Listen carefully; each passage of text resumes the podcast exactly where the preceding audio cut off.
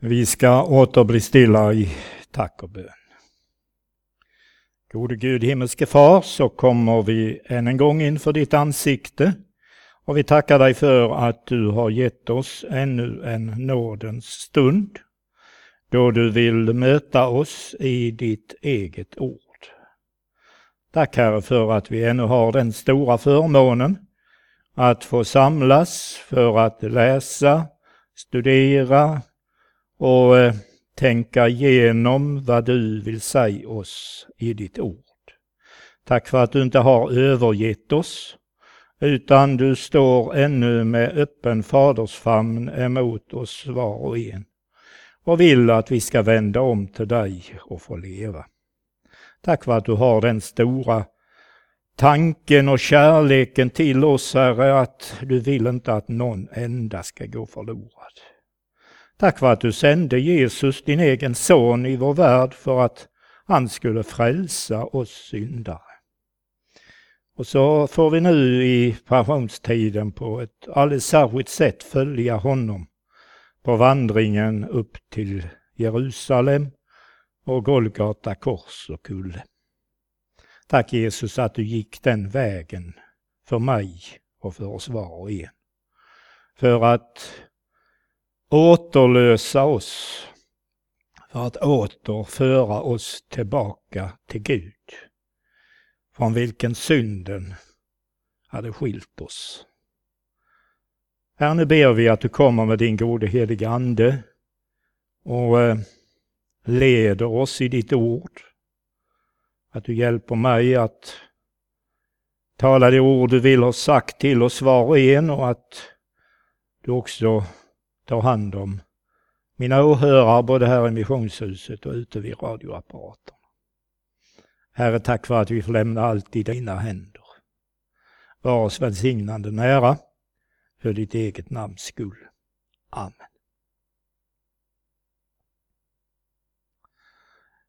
Ja, vi har redan hört att ämnet för den här söndagen är prövningens stund. Och en av de föreslagna evangelietexterna för denna söndag är från Matteus evangeliet fjärde kapitel, de elva första verserna, där vi läser i Jesu namn. Sedan fördes Jesus av anden ut i öknen för att frestas av djävulen. Och när han hade fastat i 40 dagar och 40 nätter blev han till sist hungrig. Då kom frestaren fram och sa till honom, om du är Guds son, så befall att de här stenarna blir bröd. Jesus svarade, det står skrivet, människan lever inte bara av bröd, utan av varje ord som utgår från Guds mun.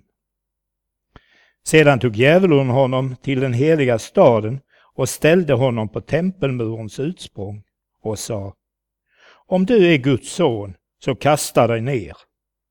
Det står ju skrivet, han ska ge sina änglar befallning om dig och det ska bära dig på händerna så att du inte stöter din fot mot någon sten.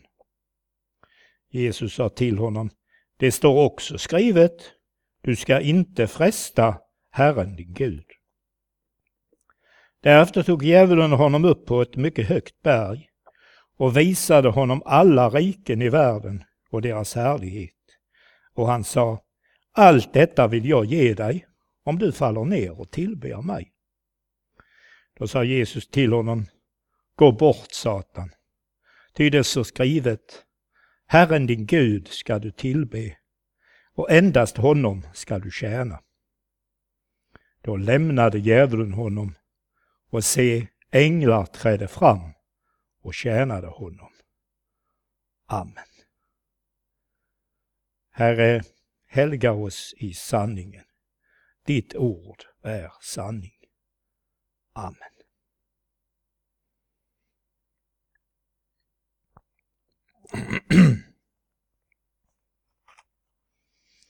Prövningens stund. Att både du och jag hamnar i sådana prövningens stunder får vi alla säkert ofta erfara. Och det är kanske inte så underligt när vi lever i en sådan ond och farlig värld som vi gör. Men att den onde djävulen till och med gav sig på Jesus, det som vår evangelietext beskrev, är väl lite mer underligt. Att detta verkligen fick hända och att detta berättas om i Bibeln är för att vi ska lära oss hur vi ska handla när vi frestas. Men också därför att vi ska veta att i Jesus har vi en som förstår oss så väl när vi frestas. I slutet på kapitlet före vår text berättas det om ju hur Jesus blir döpt av Johannes där vid floden Jordan. Jesus kommer till Johannes och vill bli döpt med detta Johannesdop, som var ett bättringens dop till syndernas förlåtelse. Men Johannes vägrar och säger, det är jag som behöver döpas av dig och du kommer till mig. Vi kan ju förstå Johannes reaktion. Här kommer han som är Guds son, som är helig och ren som Gud, Fadern själv. Helt utan synd. Här kommer han och vill bli döpt med detta bättringens dop. När då Johannes tvekade så säger Jesus, låt det ske nu, ty så bör vi uppfylla all rättfärdighet. Vad kunde då Jesus mena med detta? Jo, för att vi som är syndare av naturen skulle kunna ställas fram inför honom, inför Gud. Rena och rättfärdiga, vilket Gud han kräver av oss. Så måste denne ende rättfärdige gå in under våra förhållanden, ta vår synd på sig, lida och dö korsdöden. Det var alltså för vår skull, din och min skull, som detta dop måste ske med Jesus. När så Jesus var döpt står det att himmelen öppnades och eh, en röst kom. Eh, himmelen öppnades och han såg, Johannes såg Guds ande sänka sig ner som en duva och komma över honom. Och en röst från himlen sa, Denne är min son, den älskade, i honom har jag min glädje. Sen är det så underligt att eh, läsa början på vår text. Sedan fördes Jesus av anden ut i öknen för att frestas av djävulen.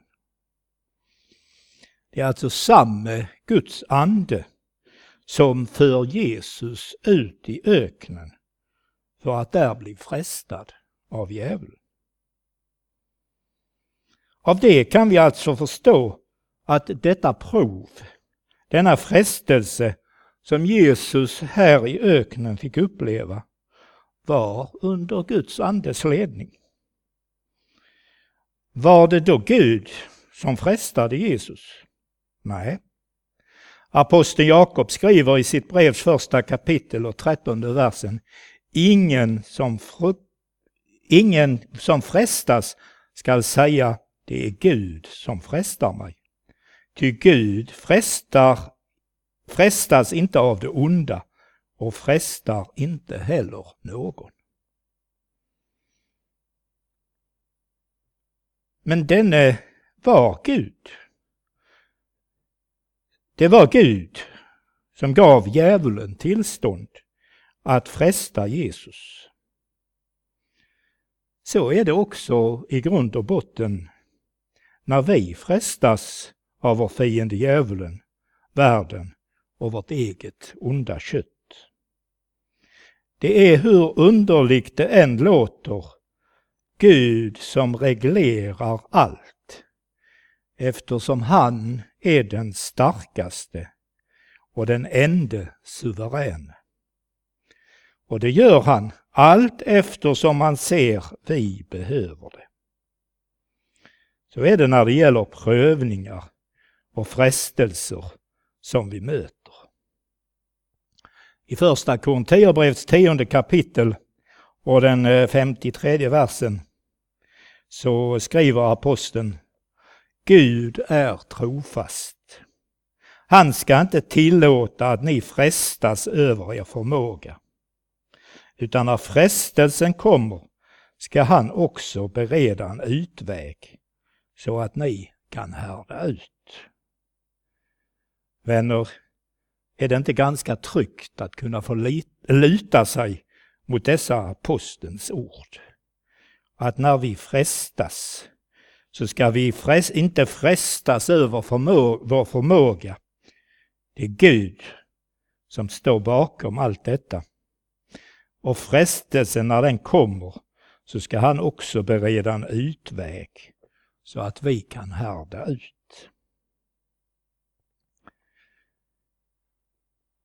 Denna Jesu prövning utgör en del av Guds väg med sin son. Den ingår i Guds frälsningsplan. Jesus fick gå igenom detta för vår skull. Hebreerbrevsförfattaren skriver i det andra kapitlet, 18 versen. Eftersom han själv har lidit och blivit frestad kan han hjälpa dem som frestas. Tänk Jesus, han frestas här i öknen för att du och jag idag, snart 2000 år senare, ska ha en som förstår oss när vi frestas. En som vill hjälpa oss och ge oss kraft till att kämpa emot frestelserna och slutligen övervinna dem. I Jesus har vi en överste präst som har medlidande med oss svaga, syndiga människor. Hur kan han då ha det? Jo, han har varit frestad i allting, liksom vi, dock utan synd. Läser vi Hebreerbrevets fjärde kapitel. Här har vi den stora skillnaden mellan när Jesus frestas och när vi frestas. Jesus, han bestod provet. Han föll aldrig i synd. Men det gör vi däremot allt som oftast. När djävulen angrep Jesus så avvisar han honom med det skrivna ordet och säger det står skrivet. Och till slut stod det i vår text att då lämnade djävulen honom. Men det vi också ska lägga märke till i denna berättelse är att även djävulen citerar vad som stod skrivet. Det stod så här att djävulen säger till Jesus, om du är Guds son, så kasta dig ner, det står ju skrivet. Han ska ge sina änglar befallning om dig och det ska bära dig på händerna så att du inte stöter din fot mot någon sten. Och det citatet, det är från den 91 Psaltarpsalmen. Det är det som är så farligt för oss. Denne mörkrets furste utger sig ibland för att vara en ljusets ängel och hänvisar till och med till Guds ord, bibelordet. Sådan är frestarens metod också idag. Lösryckta påståenden, som det i det här fallet var, är alltid farligt att lita på. Det är alltså viktigt för oss att om vi hör något sådant, att vi konstaterar om det stämmer med Bibelns övriga budskap. Jesus kontrar ju här omedelbart med att hänvisa till ett annat bibelord.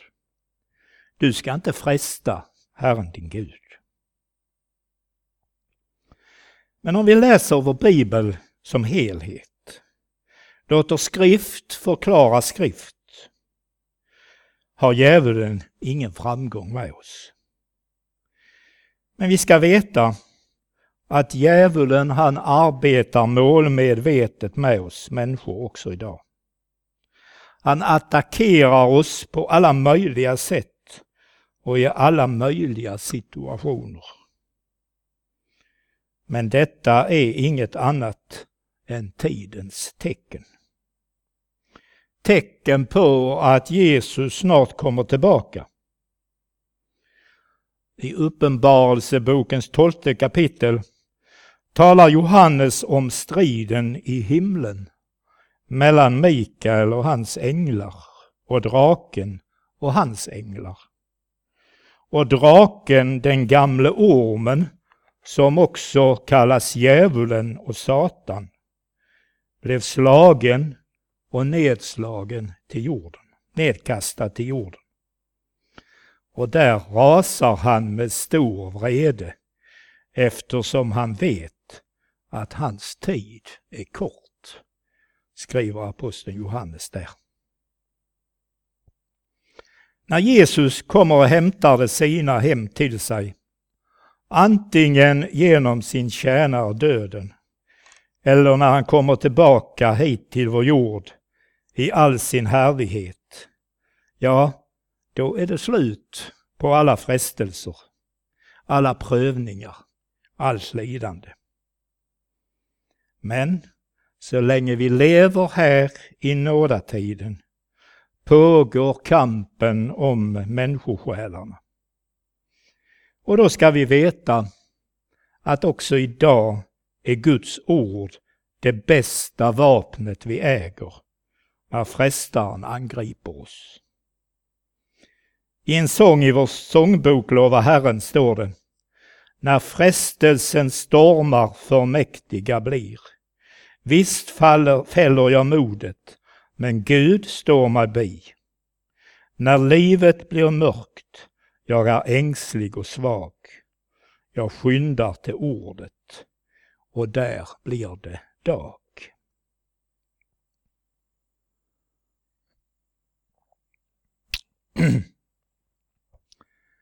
När vi frestas så frestas vi antingen till att göra sådant som Gud förbjuder. Eller till att inte göra sådant som Gud påbjuder och befaller. Och i båda fallen är det Guds ord som ska vara vårt rättesnöre och inte som det kanske ofta blir vad andra människor gör och tänker. Guds ord ger i regel tydliga anvisningar om Guds vilja om och med oss. Om vi verkligen låter Bibelns ord vara vad det är. Ord av Guds egen mun.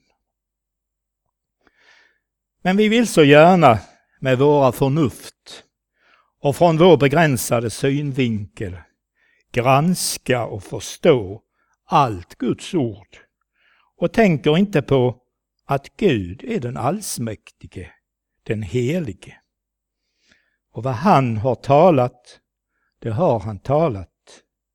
Det som är skrivet, det är skrivet.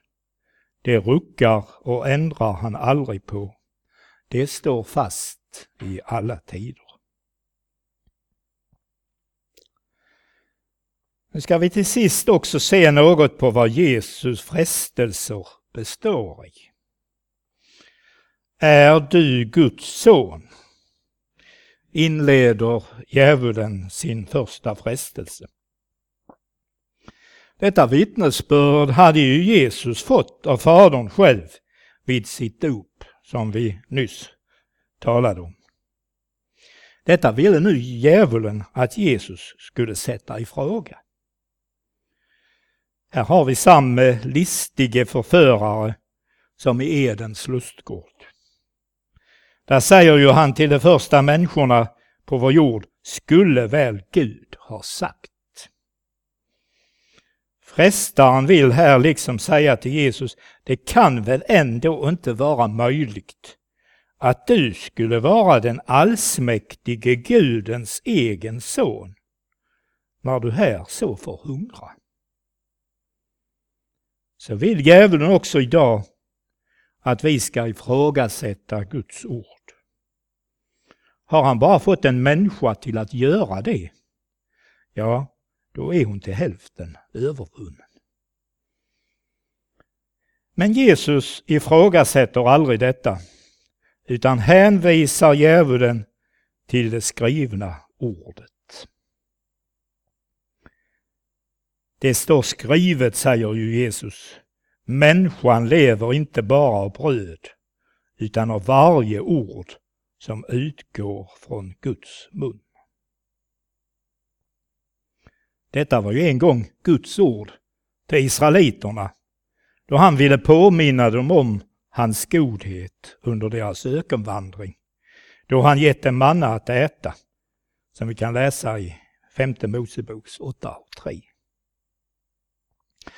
Bröd är ju för kroppens bestånd, men Guds ord är själens mat och näring.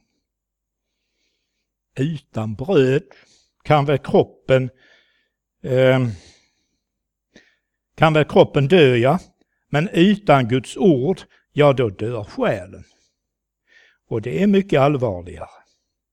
Då handlar det nämligen om en andlig död som oftast leder till en evig död. I nästa anfall på Jesus tar djävulen just det skrivna ordet, Guds ord, i sin mun det som vi tidigare påpekat, är så farligt för oss. Men det djävulen gör här är ju att fresta Jesus till att använda ordet fel. Om någon kastar sig själv i faran har Gud aldrig lovat att hjälpa och bevara. Hade Jesus följt djävulens råd, ja, då var det ju just detta han hade gjort och då hade han frestat Gud. Djävulen ville ju att han skulle kasta sig ut för tempelmurens utsprång. Och han hade ju sagt till Jesus, om du är Guds son så kasta dig ner. Det står ju skrivet, han ska ge sina änglar befallning om dig. Och det skall bära dig på händerna så att du inte stöter din fot mot någon sten. I Luthers lilla katekes kan vi lära oss att vi efter Guds löfte kan hjälpa, eh, vänta hjälp i frestelserna endast när vi inte själv kastar oss i dem. Därför säger ju Jesus nu till frestaren, det står också skrivet, du skall inte fresta Herren din Gud. Också det var hämtat, ett ord hämtat från femte Mosebok. Där vi läser hur Herren Gud talade så vid ett tillfälle till sitt folk. Och denna Guds befallning gäller också oss idag. Du skall icke fresta Herren din Gud. Och det gör vi om vi själv kastar oss i uppenbara faror. Nästa gång djävulen angriper Jesus så står det så här. Därefter tog djävulen honom upp på ett mycket högt berg och visade honom alla riken i världen och deras härlighet. Och han sa, allt detta vill jag ge dig om du faller ner och tillber mig. Tänk så orimligt egentligen detta djävulens påstående var. Han var ju inte ägare till något enda av detta. Inte ägare till alla riken i världen och deras härlighet. Nej, det var han verkligen inte. Men i själva verket så var det ju istället så att det var Jesus som var ägare till alla riken i världen och deras härlighet. Så som sann Gud, men som på samma gång sann människa, så var det ju verkligen så. Därför är det ju verkligen så som Jesus svarar djävulen på denna hans frestelse. Det är Herren vår Gud vi ska tillbe och endast honom vi ska tjäna. Och detta citat är också från femte Mosebok. Ja, det är ju Gud, den enda sanne guden, som har hela skapelsen i sin hand. Därför är allt det fina och härliga i denna skapelse bara lån. Bara sådant vi kan, eh, sådant som vi har blivit satta att förvalta här en liten tid. Men vad är all denna jordens makt och prakt i jämförelse med härlighetsriket i himmelen, som Gud lovat alla dem som tillber och tjänar honom i anda och sanning. Må inte någon av oss gå miste om detta därför att vi stirrar oss blinda på detta som denna världen och djävulen erbjuder oss. Nej, låt oss hålla fast vid bibelordet, det skrivna ordet, det enda fasta och vissa och det enda som kan leda oss människor till himlen, till det eviga livet. Amen.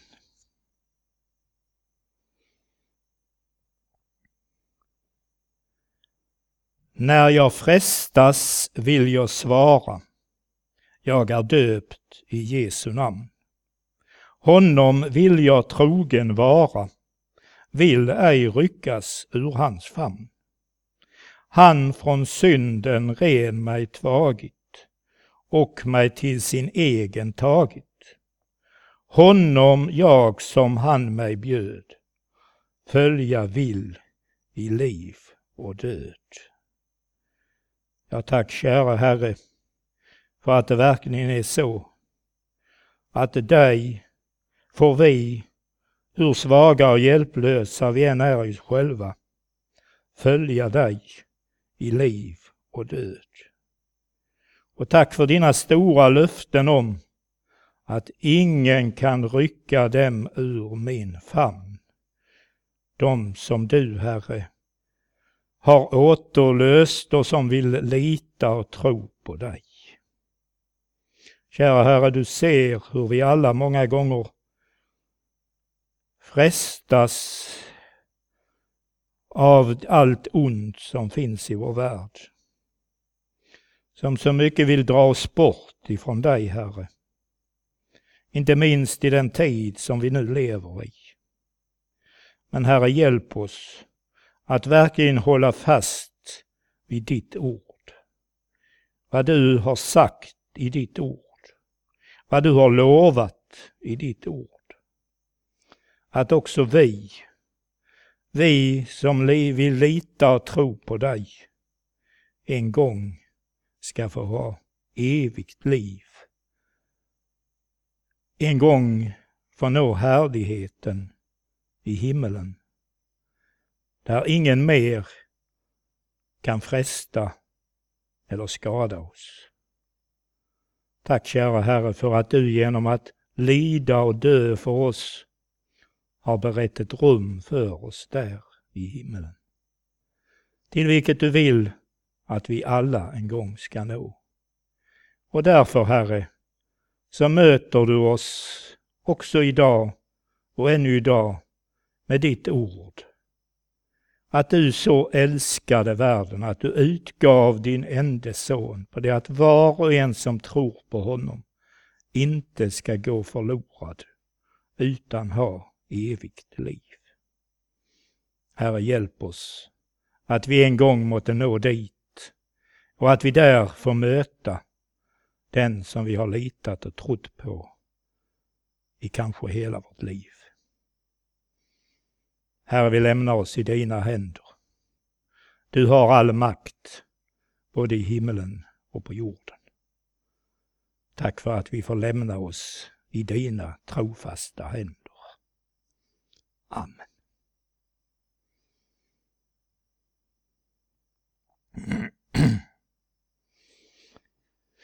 Jag tänkte vi skulle sjunga 488.